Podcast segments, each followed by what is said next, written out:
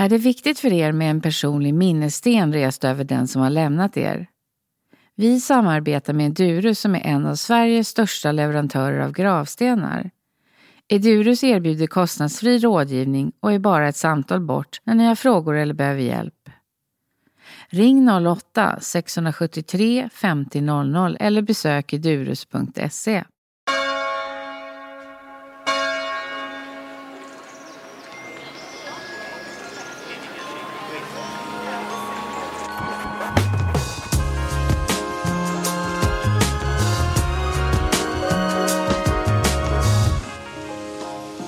Välkommen Kristina Rinsjö.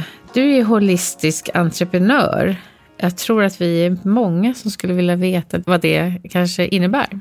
Hej Barbro, tack för att jag får vara med här idag. Det känns väldigt både viktigt, det du gör, och eh, jag är glad att få dela med mig. Mm holistisk entreprenör brukar jag säga att jag är, därför att jag har en holistisk också livsåskådning. Där jag tycker att eh, forskning och fakta är viktigt. Men också att den här mera eh, abstrakta och det man inte kan se på, det andliga, är också lika viktigt. Så i det så spänner jag fältet holistisk entreprenör. Det är det jag står för. Så eh, jag har ju en bakgrund som eh, faktiskt kampsportare och också varit i modebranschen. Där har jag ju färgats mycket av inom kampsporten hur man hanterar livet. Byggt upp väldigt mycket både fysisk och mental styrka, kapacitet, hitta min potential. Men sen också inom modevärlden, jag tycker om skönhet, vackra saker. Och det är också som planeten, jorden är så vacker. Och jag tror mycket på att vi ska göra världen vackrare. Det mår vi bra utav. Och det är ju så, med alla erfarenheter man bär med sig så präglar ju det en. Så eh, idag så vill vi börja nämna då att efter 30 år i modebranschen efter massor med år inom kampsport så hamnade jag i en situation att jag släppte det eh, fältet av en livshändelse. Och eh, klev rätt ut i det okända, följde mitt hjärta och har sedan tio år då varit egen företagare. Utbildat mig inom holistisk hälsa för att se hälsans, hur kan man hålla sig frisk och må bra? För det var väldigt många i min omgivning som blev då både sjuka och dog. Så att jag ägnar mig mycket åt eh, att utbilda mig inom holistisk hälsa som kinesolog. Jag har också hållit på mycket med yoga, meditation, hållit kurser, egna kurser efter ett tag. Och jag har sökt mig fram, vad kan jag bidra med i världen? Och där kom jag ju fram till att vatten, vatten är en sån otrolig fundamenta för vårt liv. Så det tänkte jag återkomma lite mer till. Mm. Men min första erfarenhet och situation med döden var att min pappa dog fyra dagar innan jag skulle fylla 13 år. Hans hjärta stannade, han segnade ner på gatan. Helt oförberett så fanns inte han längre. Och det har jag nu med erfarenhet och efter alla år förstått vilket trauma det skapade i mig. Och med en ödmjukhet för livet, hur snabbt ett liv och en trygg situation kan förändras i ett, i ett slag bara. Eh, och vi är ju många här på jorden som har varit med om såna här oförberedda händelser av att en nära och kära dör. Och det är så viktigt att ta hand om det. För att för mig så blev det, det var ju trauma. Mm. Och på den tiden då, jag är ju 61 år idag, född 61. Och eh, jag förstår ju liksom vikten av att jag eh, har behövt att arbeta med det här traumat. Jag hade behövt gjort det tidigare. Men det ledde ju till att hela min tonårsperiod var väldigt vilsen. Jag var sökande, jag var i sorg som jag inte fick ta hand om riktigt. Men min mamma visste inte bättre, det var ju så. Så det har jag fått göra på egen hand sen. Så mellan 15 och 19 var det väldigt skört i livet och jag var ute och ja, var lite på glid. Men eh, jag fick ett uppvaknande när jag var 19 och bara bröt. Det var mycket party då som sagt i tonåren. Det var mycket ut och festa och det var lite så här. Men jag eh, bara bröt med det för att jag fick en calling att nej, nu måste du ta hand om ditt liv och göra någonting ordentligt. Och när jag hade fattat det beslutet så förändrades mitt liv i ett handslag. Och jag tror mycket på att det är en serie med händelser som kan skapa så snabba förändringar. Så från ena dagen till den andra så bröt jag med alla de här vännerna och jag fick ett jobb inom modebranschen. Och så klev jag på en tunnelbana, träffade två killar som övertalade mig att eh, komma med på kampsportsträning. Och jag tyckte det var superlöjligt och jättefånigt. Men det var någonting, det var någonting i energin där som kallade in mig. Så jag kom med och tittade på träningen och eh, kände energin i det här rummet. Och eh, bad att få börja. Och eh, efter lite övertalning då så fick jag komma med. Och det var en stor, stor förändring för mitt liv som jag bär med mig. Och det var ju en form som heter Shirinshi Kempo som är klassad som en utövning av buddhismen. Så jag har ju idag en mer andlig livsåskådning som startade där när jag var 19 och som är ett fantastiskt verktyg för att hantera livet. För jag tycker buddhismen, jag är egentligen, jag är med i Svenska kyrkan och jag tycker om att gå i kyrkan och jag tror på någonting större. Men jag är lite utanför att lägga mig i ett religiöst fack. Så jag plockar lite här och där och skapar min livsstil utefter. Men där har jag funnit att buddhismen har jag kanske hittat flest livsverktyg att använda mig av för att hantera mitt liv. Och med det sagt så är ju en huvudpunkt är ju att du är inte dina tankar. Att handle your mind, handle your life. Så jag blev väldigt, väldigt tränad att hantera mitt psyke. Men också att hantera min fysiska kropp, att hålla mig frisk och vital. Och, men också i träningen att möta mig själv. Mm. Och hitta min potential. Så det var en otrolig resa jag gjorde där. Jag var faktiskt första kvinnan i Sverige att gradera till andra graden i svart bälte. Så jag småningom blev jag instruktör och har inspirerat väldigt många människor. Det jag har sett också hur deras liv har utvecklat sig fantastiskt fint. Så jag tror mycket på att många går omkring och mår dåligt och oroliga i onödan. Jag skulle nästan önska att Shinshikempo kunde finnas på skolschemat. En fantastisk uh, utövning för att hantera livet. Och generellt sett då det här med liv och död så kan jag bara känna det här att vi behöver mera livsverktyg och mera liksom, visdom ute i samhället.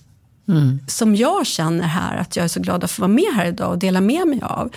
För livet är så fantastiskt och vi har så mycket onödigt lidande. Mm. Men det lidandet vi möts av, det behöver vi gå igenom. Det är inte farligt med smärta. Det är inte farligt med utmaningar. För det är där också vi växer och expanderar. Och när vi möter döden, som är min pappa. Jag har ju lärt mig så mycket av den händelsen. Jag har fått jobba med mig själv.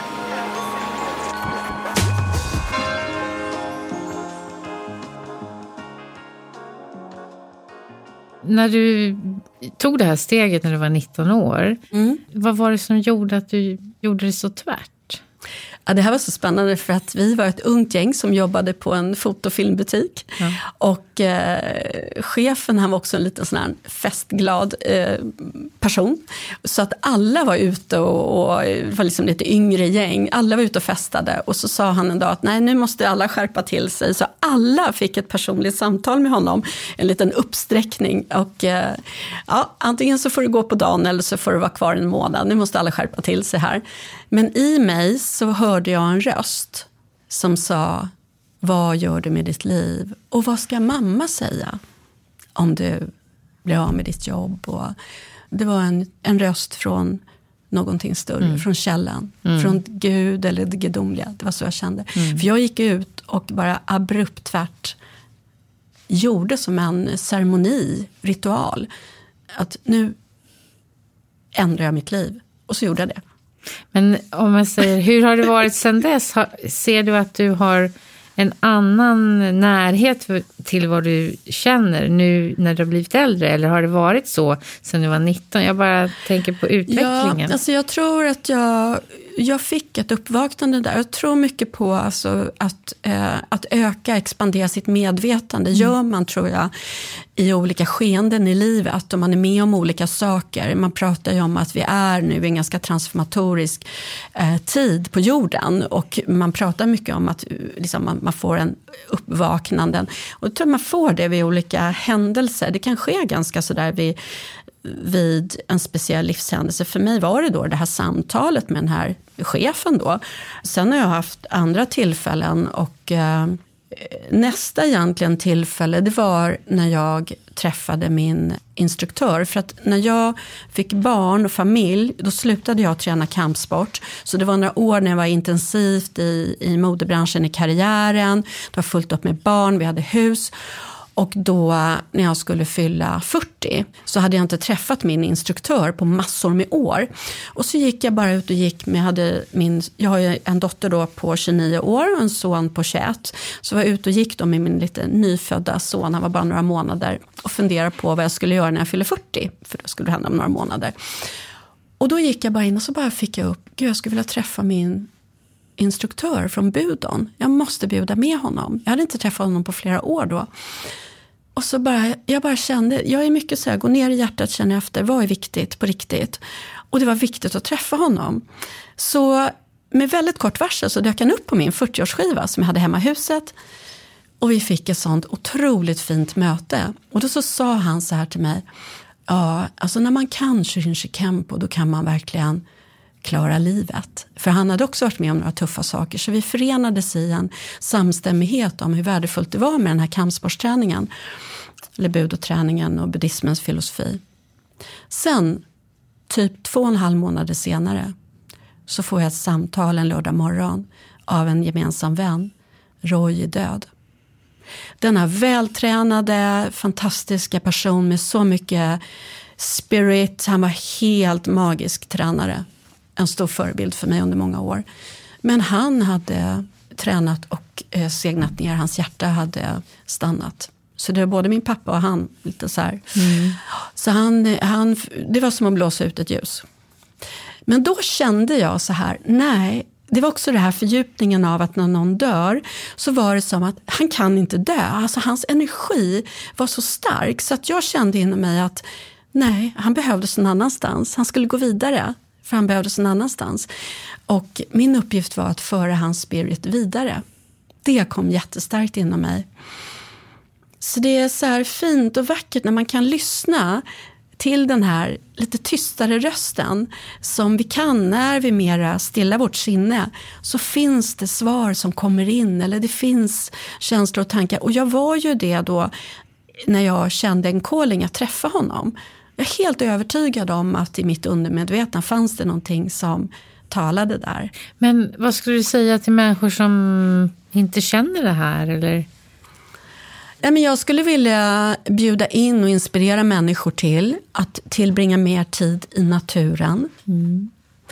Vi är en del av naturen och naturen är en del av oss. Och när vi kan gå ut i naturen och connecta oss där så är det både en helande plats och en plats där vi kan connecta mer. Eh, sen tycker jag kraftfulla verktyg är meditation, mm. yoga, ett utforskande inom sig själv. Och sen som jag har väldigt god erfarenhet, det var ju där jag liksom hittade kärnan i mitt varande, det var ju japansk budo då, kampsport. Mm. Eller det är inte en sport, det är är egentligen en så mycket djupare utövning. Man kan väl säga, ja det är som en rörlig meditation egentligen. Mm. Så det är några utav för Sen är det ju andra som hittar den här kanske rösten genom löpning eller genom utövande utav konst eller man kommer i ett flow. Men jag vill verkligen bjuda in människor till och inspirera att, lyssna mer till ditt, som Björn Attiko Lindeblad sa en gång, till det här varsevarandet. Vi har det finns en röst där mm. om vi lyssnar. Då, som hjälper oss och som stärker oss och ja. som för oss rätt i livet. Men den kanske man inte hör om man har för bråttom. Och det kanske man har ibland. Och jag tror man bara inte ska stånga sig så mycket emot. Okej, okay, har du mycket, ja, då får det kanske vara så, men du kanske kan se att skapa en förändring, att gå ner mer i hjärtat. Jag har ju någonting som jag brukar alltid säga till mina elever, när jag, jag är också yogainstruktör. Låt dina tankar vara till service för hjärtat och inte tvärtom. Jag tycker det är så vackert. För i hjärtat i kroppen, där har vi verkligen den djupa sanningen. För det är faktiskt så att hjärnan kan inte skilja på verklighet och fantasi. Det är bevisat. Mm. Och att eh, det som Buddha säger, i och med att jag har mycket verktyg, jag tycker det är så fint. Buddha säger att lidandet, det uppkommer genom våra tankar. Only cause of suffering is within our mind. Sen kan bara tillåta oss att inte tro på allt vad vi tänker och lära oss att hantera tankarna lite bättre, sortera och lyssna till hjärtat mer än våra tankar. Då blir det väldigt magiskt också, skulle jag vilja säga. För jag har med om så mycket spännande upplevelser när jag har gjort det. Men är det inte så att vi tänker många fler negativa tankar än positiva när vi ja. försöker vara stilla? Och det vi fokuserar på, det växer ju. Jag skulle säga att är det där verkligen sant? Är det på riktigt? Och det vi matar våra tankar med, det är ju det som vi stärks. Men vi är ju lite så här generellt att vi drar ner oss själva. Vi tillåter oss inte kanske att ha det så bra som vi kan ha det. Och vi är ju som en samling programmeringar som jag brukar säga. Hör du någonting, du matar dig väldigt mycket med information kanske från nyheter och så vidare. Mycket problem, då, då skapar det ju mycket cellminnen och programmeringar av den informationen du matar dig med. Så just det här att lyssna kanske på sånt som stärker dig, som poddar, lyssna på sånt som är mera positivt och rannsaka dig själv lite varje dag. Behöver jag bära med mig det här? Mm. Vad är viktigt på riktigt? Och jag tycker det här med döden är så viktigt att inkludera mer i sitt liv. För min erfarenhet är de dödsfall som jag har varit med om har gett mig så mycket insikter men också flöde att gå vidare i livet och en djupare tacksamhet för livet. En tacksamhet för de åren eller de stunderna jag har delat med den här personen.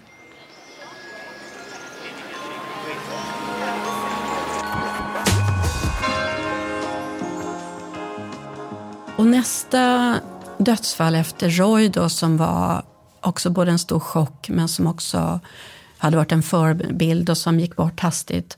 Så var det då att min mamma träffade en ny man så jag fick en bonuspappa som jag först då inte tyckte så mycket om men som jag sen ja, landade i och fick en väldigt fin relation som har betytt mycket för mig.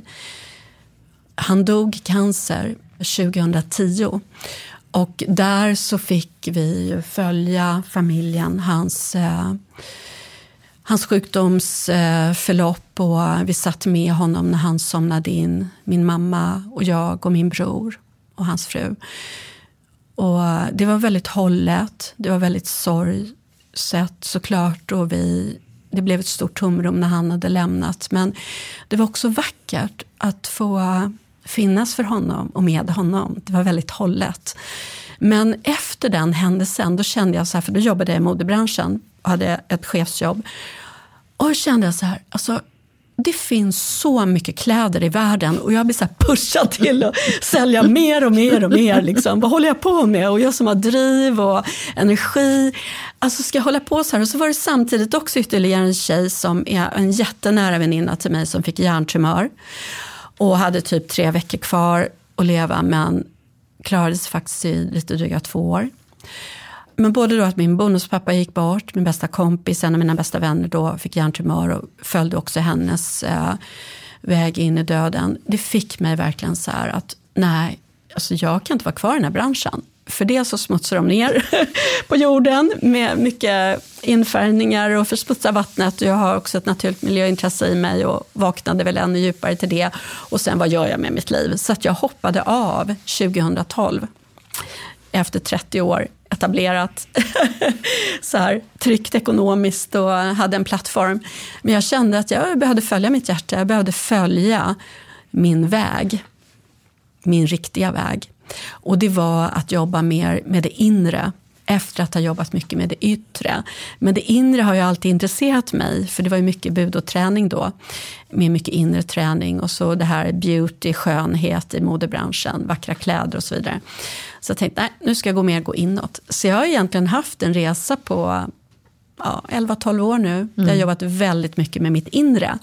Där magiska saker har hänt och där de här förlusterna då i mitt liv, min bonuspappa och min väninna har, har varit som bränsle för att liksom, ja, verkligen använda tiden jag har här på jorden.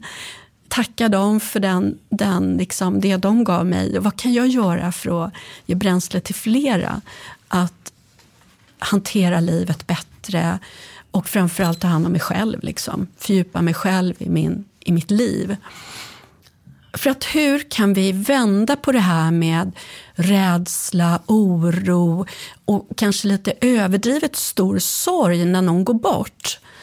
För att alla kommer vi ju gå bort. Mm. Och hur kan vi träna oss för att dö? Och att vi faktiskt också tränar oss att leva mera innerligt här och nu varje dag. För vi vet ju inte när vi kommer att dö. Vi vet att vi kommer att dö, men inte när. Nej. Tycker du att det har förändrats för dig? Ja. Att det här när någon dör som du håller mycket kär, så är du mer förberedd för det nu? Ja, mitt förhållningssätt är ju att vi går vidare. Mm jag har ju en andlig livsåskådning och närmast liksom ligger ju buddhismens livsfilosofi till mig som jag tycker har varit otroligt stödjande. Som sagt, ett otroligt kraftfullt livsverktyg. Men sen också att tillåta sig att, eh, för jag menar det var ju min bonuspappa då, då närmast som jag berättade om gick bort och min väninna. Man blir ju väldigt ledsen. Man måste tillåta sig att bli ledsen och processa sin sorg. För att om man håller tillbaka då stannar ju i kroppen trauman och sånt. Som, så det är väldigt viktigt att gå igenom processen. Och där kommer det in då med ceremonier och sånt också. Att ta sig igenom och hela den här med begravning och kanske ursättning. Att vara med, liksom vara i det, vara närvarande i det och processa. Så ehm, det som har hänt mig nu ganska nyligen. Jag har ju som sagt varit med då min pappa med en traumatisk situation. En väldigt överraskande situation med Roy, min tränare som bara, det var som att blåsa ut ett ljus.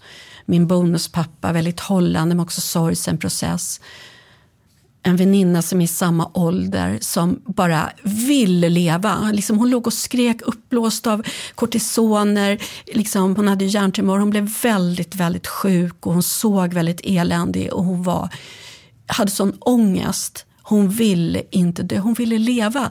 Och med det liksom kände jag mig så otroligt tacksam. Och också att jag vill bära med mig hennes energi. Liksom. Hon ville leva men ja, livet vill ju olika döden vill, döden kommer. Så jag bär med mig det som en kraft, som en superkraft av de här människorna som jag har fått dela en stund på jorden med. Men helt nyligen då så hände det så att min mamma eh, lämnade jorden här den första december eh, 2022. Och hon blev dålig egentligen. Hon ramlade i hemmet 2019 och eh, skadades ganska illa ryggen så hon eh, var lite in och ut på sjukhuset och eh, hade mycket värk och så. Och sen i den här processen så blev hon ganska mycket medicinerad och så inträdde en, en ganska kraftig, snabbt ökande demens. Så eh, hon hade i maj 2020 ytterligare en, eh, hon fick sepsis, hon fick eh, Eh, blodförgiftning och fick göra en ganska omfattande operation. Och efter det så var hon sig inte liksom lik. Så hon hamnade då på ett äldreboende, på ett demensboende. Och då var vi inne i pandemin. Så hela tiden under pandemin så har jag haft min mamma i vården. Vilket har varit väldigt utmanande men också lärorikt. För jag ser ju mitt liv är så här, ja men alla utmaningar man får så bara hantera och så växer man av det. Men det var så att i hennes demens så kände jag hur många andra förmågor som, och relationen mellan oss förändrades och växte till att bli mera djupare och mera innerligare. Så hon och jag, vi är två skorpioner, kraftfulla profiler. Vi har haft våra ganska ups and downs i, i vårt liv med anledning också av trauman och dödsfall. Och mamma mådde inte så bra de sista tio åren efter att ja, hennes man hade gått bort. Så hon, det skavde lite ibland att umgås med henne. Och hon var ganska liksom, orolig, mådde inte så bra. Men någonstans så blev det så att demensen kom lite grann som ett mjukt täcke och lades över henne. Så att hon blev lugnare och öppnare, Öppnare, såklart förvirrad. Men det var något vackert som hände och det är det jag också vill dela med mig av. Att när en nära anhörig tappar vissa förmågor så är det andra förmågor som tar mer plats. Så att jag hade en sån fin tid med mamma i hennes demens. Och det var bara att följa med hennes rörelser. Ja, men du, mormor och morfar står här bredvid nu. De är här och hälsar på. Alltså det var kanske lite random så här, men det var bara att låta henne få ta sin rörelse och så hänga med där. Och hon blev mjukare, liksom. man kunde så lägga handen på kinden och liksom krama om henne lite mer. Hon var lite mer så här gosigare. Liksom. Och det är lite grann så att hon Ja, men du vet, ni vet så här, att man går tillbaka till barnstadiet. Mm. Och eh, att möta en människa överhuvudtaget, att möta människorna på deras nivå. Liksom. Det, blir, det blir så fint då. Så hon var ju då i det här demensboendet. Ja, det var ju lite över ett år. Och sen då så var det här den 31 oktober 2022. Jag hade precis varit på ett Silence Retreat i tre dagar där vi var i tystnad. Jag assisterade en kvinna som höll det här på vackra Björnbacka, Södertälje. Så vi hade varit tysta i tre dagar och gjort en del övningar där vi bara höll varandra som medmänniskor i olika eh, situationer. En var speciellt då att vi fick sitta bakom en person och bara hålla den här personen på axlarna lätt. Inte säga någonting, bara hålla ett par minuter. Ingen snack, ingenting, bara hålla. Och sen höll vi på överarmarna, vi höll i nacken, vi höll i ryggen. Ingen prat. Och dagen efter jag kommer hem från det här retreatet med fördjupad närvaro, mycket meditation, och de här, det här var ett av flera moment. Så får jag ett samtal ifrån äldreboendet att mamma har fått en jätteökad blodtryck. Eh, hennes blodtryck har gått upp i topp och eh, de vet inte vad som har hänt. Men de behöver skicka henne till Akademiska sjukhuset. Då. Så jag åker dit och följer med henne in till sjukhuset och det är bara jättetraumatiskt och liksom intensivt. Liksom håller hon på att dö? Vad har hänt? Vad är det som har hänt? Så jag bara är ju där och håller space och jag bara känner att hon är så tacksam att jag, jag finns där. Och jag var ju så, så liksom ren i mig själv, suttit och mediterat i tre dagar och bara varit så att jag kände hur jag var på rätt plats i mig själv för att ge henne ett bra stöd. Så det var en hel vecka på eh, Akademiska med massa provtagningar och jag märkte hur hennes nervsystem blev så spänt och eh, hur jag faktiskt verkligen var viktig för henne för att hon slappnade av när jag höll i henne när jag var där.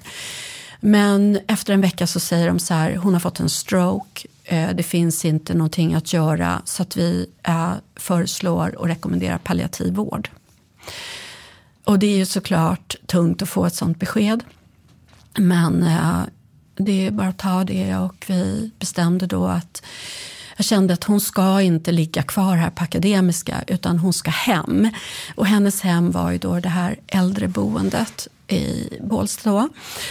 Så att med lite övertalning för att jag kände att det här kanske går snabbt så intensiv process att få hem henne så fort som möjligt. Och, eh, så att jag och mina barn vi åkte till boendet och vi gjorde jättefint där. Vi satte blommor och ljus och förberedde för hennes ankomst. Och när ambulansen kommer precis då känner jag så här, jag ska gå ut och titta om ambulansen kommer. Den kommer. Och så öppnar de dörren och direkt så tittar jag in i mammas ögon, för hon halvsitter på båren. Och hennes ögon, du vet, hon bara, tårarna bara rinner.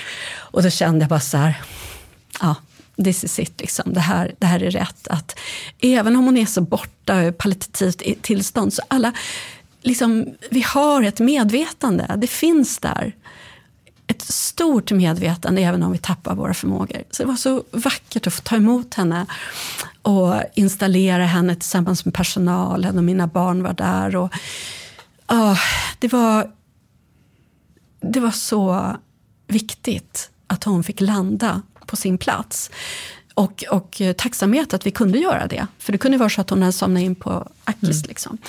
Men det blev tre veckor eh, i palliativt tillstånd. Där personalen, jag vill verkligen lyfta personalen. För att det är så lätt man tycker att det är som brist då i äldrevården och det liksom är ganska kanske otacksamt att jobba där. Men den här personalen, det var som min extended tribe family. Liksom. De var så kärleksfulla mot mamma. De var så stödjande och vi liksom hade sånt fint teamwork och eh, jag och min familj, anhöriga, vi hjälptes åt här och ge mamma allt, allt, allt den här tiden då. Och det var ju att finnas där och hålla henne. Så det hållandet jag berättade om på retreatet, jag fick träna det liksom i ja, fyra veckor. Att sitta och hålla. Och jag märkte hon mådde så bra av det. Så att från att hon hade eh, nästan epileptiska anfall och väldigt, hon, hade väldigt, så här, hon var väldigt spänd i kroppen. Så under de här veckorna så mjuknade hon, hela hennes nervsystem steg för steg slappnade det av. Så masserade henne, fick ut hennes händer så hon blev så här lugn. Och eh, väldigt som, som ett litet barn. Liksom. Så hon kunde titta djupt in i ögonen och bara njuta av beröring. Och det här att, som jag då har en stor fascination för i vatten. Du vet, hon fick inga mediciner. Det var som att hon blev renad innan sin transition.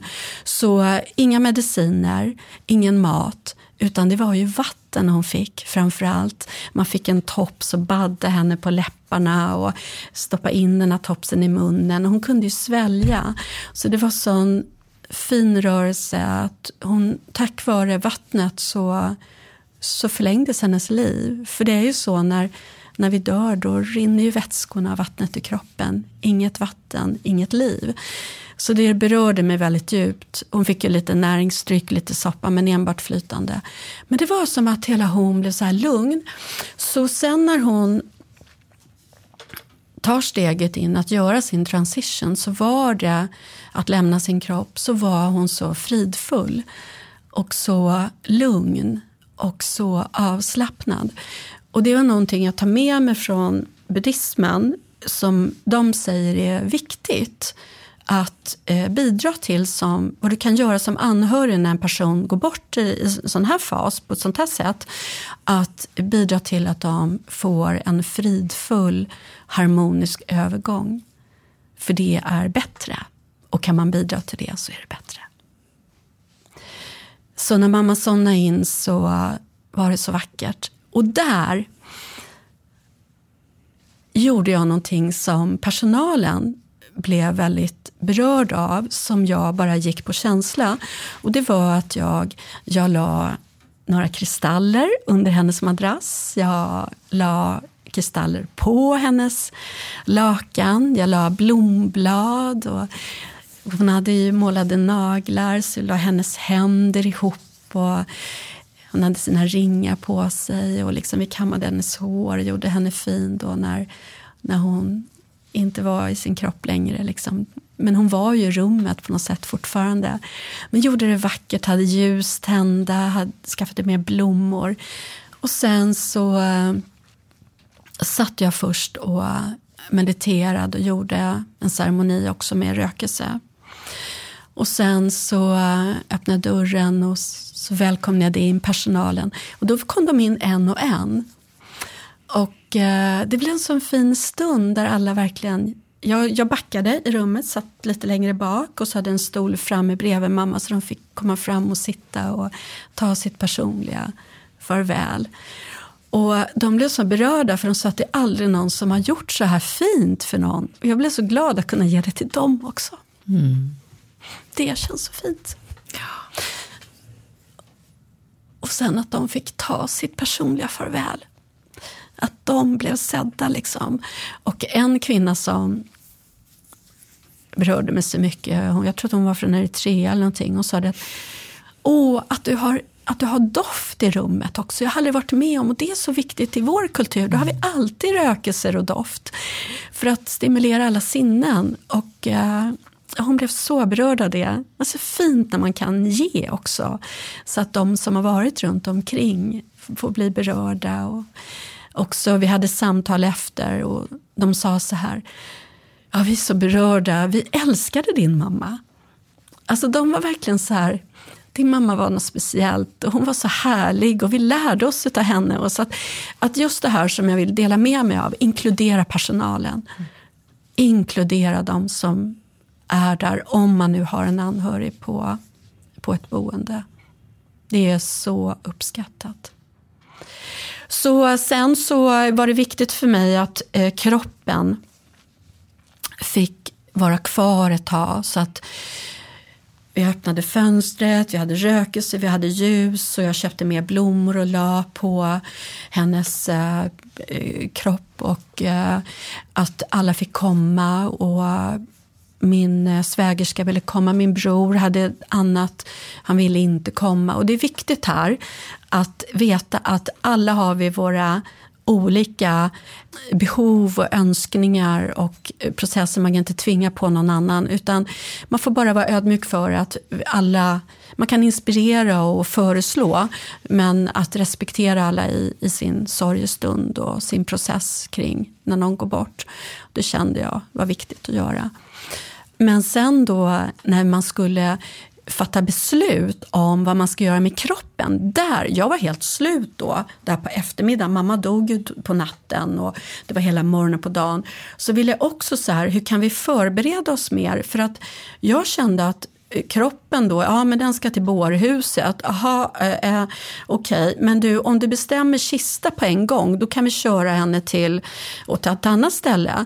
Och där var jag rätt så oförberedd och det kändes så viktigt att eh, det var hållet och för jag känner ju att vi är så mycket mer än våra kroppar och att hennes själ finns fortfarande kvar hennes medvetande finns kvar i sfären. Så det blev ganska stressigt för mig, så det skulle jag vilja verkligen att eh, prata om det innan. Hur gör vi med kroppen? Ska vi ha en kista direkt eller inte? Men jag samlade ihop mig och vi tog henne, svepte in henne så att alla de här de vackra, vackra satänglakan och kristallerna och blommorna, allt var med. Och så kom den här jättefina begravningsentreprenören som jag fick kontakt med.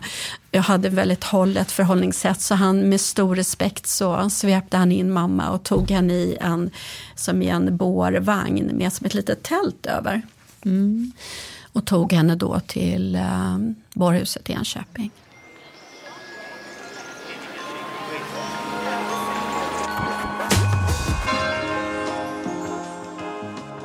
Men sen är det ju mycket praktiska saker och det är ju det här du lyfter fram också Barbro, att stegen efter och hur man vill ha det och så vidare. Mamma var ju inte mycket för att prata om eh, hur hon ville ha det utan där var det att gå på känsla. Och det som jag kände var viktigt var att tänka liksom på hennes person, hennes lyfta hennes eh, lyfte hennes personlighet. Och hon tyckte också om vackra saker och hon var en färgstark person. Och så arrangemanget kring eh, då inför begravningen gick jag djupt in i process och förankrade då med anhöriga. Men jag ledde processen som äldsta dottern då, så tog jag lid på. Och jag tror att det är bra att det är någon som tar lid och lyssnar in i övriga. Så att det inte blir en soppa av att alla ska bestämma utan att det här blev det liksom älsko först och men ändå inkluderar de behoven som kommer upp. Så det, jag tycker att det blev en bra process. Och att göra den här processen är också, det på ett sätt kan det vara stressande men det är också väldigt helande. Så jag tycker det här med när vi kommer då fram till begravningen, det, den här ceremonin, att gå in i den och möta den, för den är så vacker när vi tillåter oss att vara i den och att sörja. Att ge uttryck för den känsla man har i sig kring den här personen. Men vi gjorde det väldigt vackert. Jag, det är Skokloster kyrka, en gammal tegelkyrka från 1200-talet, en fantastisk miljö. Så jag kände också djup tacksamhet av att vi fick eh, hålla begravningen där. Det var 22 december, två dagar innan jul. Och eh, det var som att mamma samlade oss inför jul. Hon brukade alltid hålla mycket julfirande i hemmet. Och, eh, så det var som att mamma förenade oss igen allihopa. Och det blev så vackert. Så där valde vi en enkel kista utan någon massa extravaganza på och la ett bårtäcke över. Och då var det ett bårtäcke med ett kviltat av kvinnor med som solrosor i. Så det var lite gulorange, det var lite häftigt sådär som låg över kistan. Och så gjorde vi ett hjärta med rosor och sen så kom ju anhöriga med blommor. Och, och vi spelade en sång som heter Songbird med Christine McVie. För att när mamma gick bort så gick samtidigt, bara några timmar före, gick Christine McVie, Fleetwood Mac, bort. Och jag hörde den här sången och eh, den spelade vi då på begravningen. Den är så fin. Songbird med Fleetwood Mac. Så vacker. Och sen när det blev att man skulle gå och lämna en blomma då, gå fram och ta farväl vid kistan, så hade vi den här underbara Fields of Gold med Sting. som spelades a cappella i kyrkan. Och det var så vackert. Så jag vill också bjuda in till det här med musiken. Att, att känna in och ta tid på sig att välja. Och verkligen så här, gå in i personens alltså minnena och känslan man har kring personen och klä det då. Ceremonin kring det. Så jag tycker det blir väldigt fint och prästen. Det vill jag också säga, för min bror och jag lever väldigt olika liv, vi har inte så jättemycket kontakt och så skulle vi ju då in i den här sorgprocessen och eh, dela då in, tillsammans med prästen det här griftetalet. Och det var också, kände jag, väldigt värdefullt, viktigt och vackert att min bror fick ge uttryck för hans eh, syn på mamma, och hans liksom, liv med henne. Och jag då, vi har ganska olika liksom, anknytning till mamma då hade. Och jag delade min, min del och så flätade hon ihop det så vackert. Det är också en viktig process som jag tycker man ska ta tid för. Och verkligen känna in också att det här är en präst som, som vi, vi knyter an till. Men hon var helt fantastisk. Sen eh, hade vi ju då en minnesstund efter och det var också väldigt vackert. Där. Jag känner att begravning att det förenar människor. Kanske också släktingar som inte hade träffats på länge. Jag hade en släkt som inte träffat på jättelänge. Och det blev också döden, döden förenar också. Mm. Sen skulle vi då välja urna och vi valde mammas kremerades och då kom alla kristaller, hennes ringar, blommor, lakan. Allt brändes till en helig aska tillsammans med hennes kropp. Och eh, valde en jätte... Det finns väldigt mycket fina urnor. Och det tycker jag också var så häftigt. Vilka underbara urnor, vad vackert. Och tänk att just lägga den här heliga askan ner i ett vackert kärl. Vad det liksom också? Att det är vackert tycker jag om. Beauty's gonna save the world. Mm. Eh, så den här urnan då var olivgrön med guldkant runt. Och sen, utan att jag hade bett, så stod det mammas namn på en guldplakett på urnan. Och när vi ska sätta ner urnan då så kom, blev vi kallade till kyrkan och vi fick ha med prästen om vi ville. Det svarade vi ja till. Så när vi kommer in i kyrkan, då står urnan på en piedestal mitt i kyrkan. Och det var som liksom den helige graalen. typ så här. Det var så vackert. Och bara liksom landa in och se hennes aska i urnan. Alltså, och så fick jag då, vi gick tillsammans, jag fick eh, äran att ta urnan och bära den till graven och sänka ner den i vid den fysiska graven där min bonuspappa då mm. ligger sedan tidigare i Skokloster kyrka. Och det var som cirkeln var sluten liksom, när, när hon hade kommit ner där i jorden. Och det var ett tag efter begravningen eftersom ja, den så var det här i december? var mitten, vad är det, mitten, slutet januari. Jaha, jag tänkte så. om det var för kallt. Nej, de lyckades och de har även lyckats både bända upp och sätta ner gravstenen också. Mm. Så det måste jag ge en stor eloge till att man kan faktiskt eh, ändra gravstenar mitt i vintern. Mm. Jag trodde att det var fastfruset, men det gick bra. Mm. Så det är inte alla som får förmånen att ha en sån här process med en döende. Och att de verktyg och de erfarenheter jag har burit med mig, fått, fått genom livet, alltså har gjort att jag kunnat hålla den här processen så fint. Jag hade efter jul, i mellandagarna, så försökte jag öka tempot för att jag är företagare, det har massa så praktiska saker att ta hand om. Och då fick jag smärta i bröstet. Jag var inte riktigt klar. Mm. Och där vill jag också dela med hur viktigt det är att lyssna in till sitt hjärta att ta hand om sorgeprocessen. För gör du det inte, då kommer det sitta kvar i systemet. Så det är så viktigt att gå igenom processen så att uh, man kan komma vidare. Så att man inte fastnar, att det sitter kvar i systemet. Det är så jag ser på det. Men jag tror att ha en sån här fin process måste ju hjälpa en i sorgearbetet. Ja. Att man har, ett, man, man har en positiv upplevelse ja. som man kanske lättare får när man är involverad. Ja.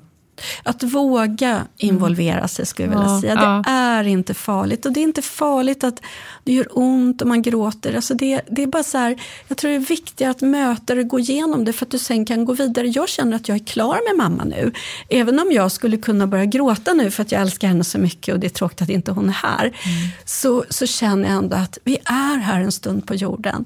Och ta hand om det, liksom, ta hand om livet. och det tar ju slut en dag. Liksom. Mm. Att inte fastna, utan bära med sig tacksamhet och de gåvorna den, i det här mm. fallet, min mamma gav. Mm. Och eh, det som fick faktiskt mig abrupt också att tacksam över ändå att hon blev 81 år och eh, jag är nu 61 år, var att en kvinna från Skokloster mötte jag på, vid tågstationen då, eh, av en händelse några veckor senare. Och eh, så otroligt sorgligt. Hennes eh, dotter då, som var nästan jämngammal med mig, och hon är då plus 80, hade fått cancer. Mm. Och dog. Och hon tycker liksom så orättvist att det borde vara jag som ska dö och min dotter borde leva. Så att ibland för ju livet oss till platser där vi liksom kanske hamnar i varför händer det här mig och så vidare. Och det men det är ju det här mystiska med livet. Vi vet inte när det tar slut.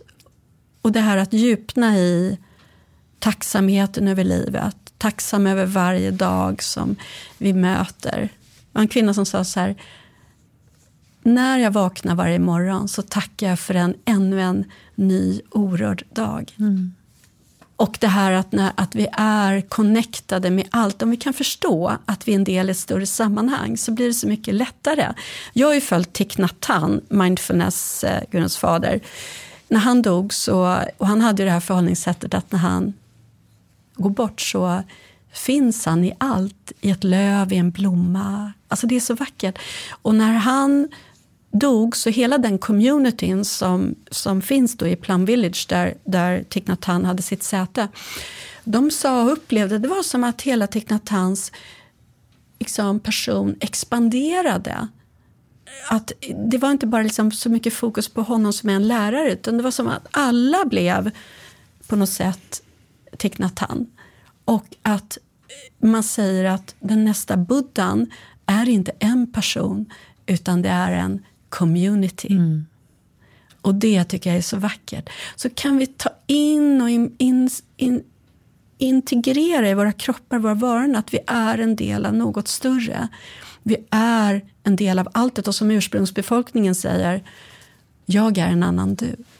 De har det synsättet. Jag tycker mm. det är mm. så vackert. Och eh, alla de här erfarenheterna nu, och speciellt mamma, har ju lett mig då slutligen till att jag jobbar ju med en, jag har en vision, en mission kring vatten. Så jag driver ju ett företag som heter OneWell, som har vuxit fram väldigt mycket inifrån och ut, där vi vill gå ut och dela om vattnets betydelse, öka medvetandet om vattnets betydelse. För nummer ett, hälsan. Det är otroligt viktigt att dricka ett bra vatten och dricka ordentligt. Och sen vattnets betydelse för planeten och miljön och det faktum att vi faktiskt snart inte har rent vatten kvar på jorden. Det är väldigt angeläget. Kanske jobbigt att bli medveten, men vi kan alla göra någonting. Vi är inte bara en droppe i havet, utan vi är faktiskt ett hav i droppen och tillsammans bildar vi oceanen. Så, som jag ser på det, som Rumi sa en gång.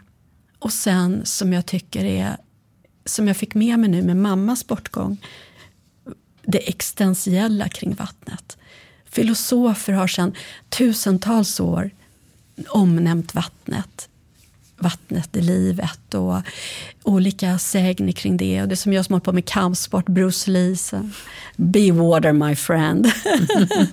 så jag tror mycket att kan vi titta på vatten som metafor, egenskaper, så är det faktiskt ett stöd till att hantera livet. Och det är rätt coolt. Mm. Och det är inte så många som tycker jag, pratar om det. Så det är min, det är min uh, mission nu, att komma ut med att prata om vattens betydelse för hälsan, miljön och det existentiella. Och med det så har jag skapat någonting vackert. Och det är en vacker keramisk vattenflaska som förbättrar vattens kvalitet.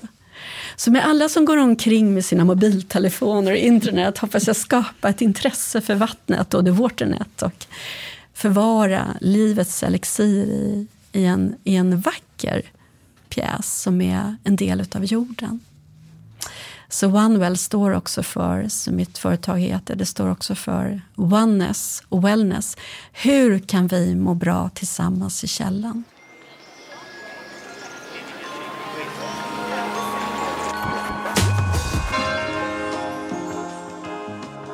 Jag tänkte bara koppla tillbaka lite till det här med din mamma. Eller rätt sagt, du hade ju varit med om många olika personer som hade gått bort eller dött. Var det mer speciellt det här att det är din mamma? Ja, alltså det är så speciellt det här att man har kommit ur den här kroppen. Man har legat i den här kroppen och när man ser den här kroppen liksom i döendeprocessen, det är så otroligt starkt. Och jag känner sån tacksamhet över henne och sån kärlek. Och jag tror att ibland så hinner man inte hila kanske sin relation, eller så har man haft en bra relation. Men som jag nämnde tidigare så hade vi lite ups and downs genom åren och att, eh, att få vara där och eh, det var bara så mycket kärlek och tacksamhet över henne och hennes kropp som jag har fått komma igenom. Mm. Alltså otroligt starkt. Så att när en mamma dör, det händer någonting inom en. Det är som att eh, man går in i en ny fas i sitt liv mm. när en mamma går bort. Det är något väldigt djupt som slår an på något sätt. Mm. Jag håller med. Du håller med? Mm. mm.